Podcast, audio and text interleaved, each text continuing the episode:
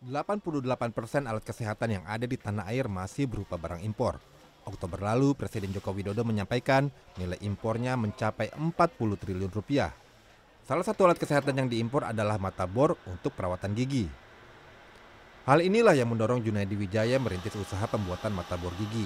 Setelah melakukan penelitian dan uji coba sejak 2020, kini di pabriknya yang sederhana di kawasan Cikarang, Bekasi, ia sudah bisa memproduksi 300 ribu batang mata bor gigi per bulan. Memproduksi mata bor gigi bukan perkara mudah. Mata bor gigi memiliki berbagai jenis bentuk yang harus diproduksi secara presisi. Dengan komputerisasi, setiap mata bor yang diproduksi bisa tepat. Namun itu belum cukup. Tiap mata bor harus dilapisi intan agar ketajamannya terjaga. Uh, ini adalah proses ini proses elektrolisa untuk penempelan diamond ke body. Oh, artinya di sini ya. Jadi ya. di uh, bor yang tadi sudah jadi itu. Ya, mata uh, badannya sudah jadi sudah di machining.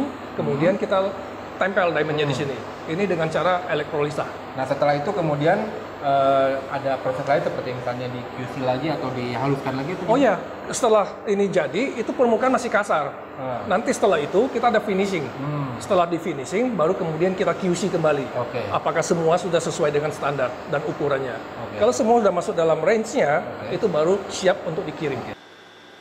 Mata bor gigi produksi Cikarang ini telah mendapat sertifikasi Lembaga Kedokteran Gigi TNI dan Kementerian Kesehatan.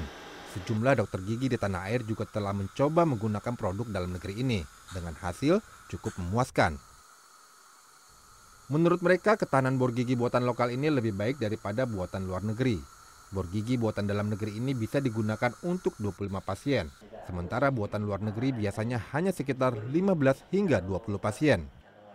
Awal saya jujur, saya agak underestimate. Nah, kualitasnya mungkin uh, ya mungkin agak kalah lah bersaing dengan yang luar tapi setelah saya praktekkan maksudnya benar-benar saya coba preparasi ke gigi pasien oh nah di situ saya oh bagus ternyata nggak kalah Selama ini mata bor gigi yang ada di tanah air kebanyakan diimpor dari Jerman, Amerika Serikat, dan Tiongkok.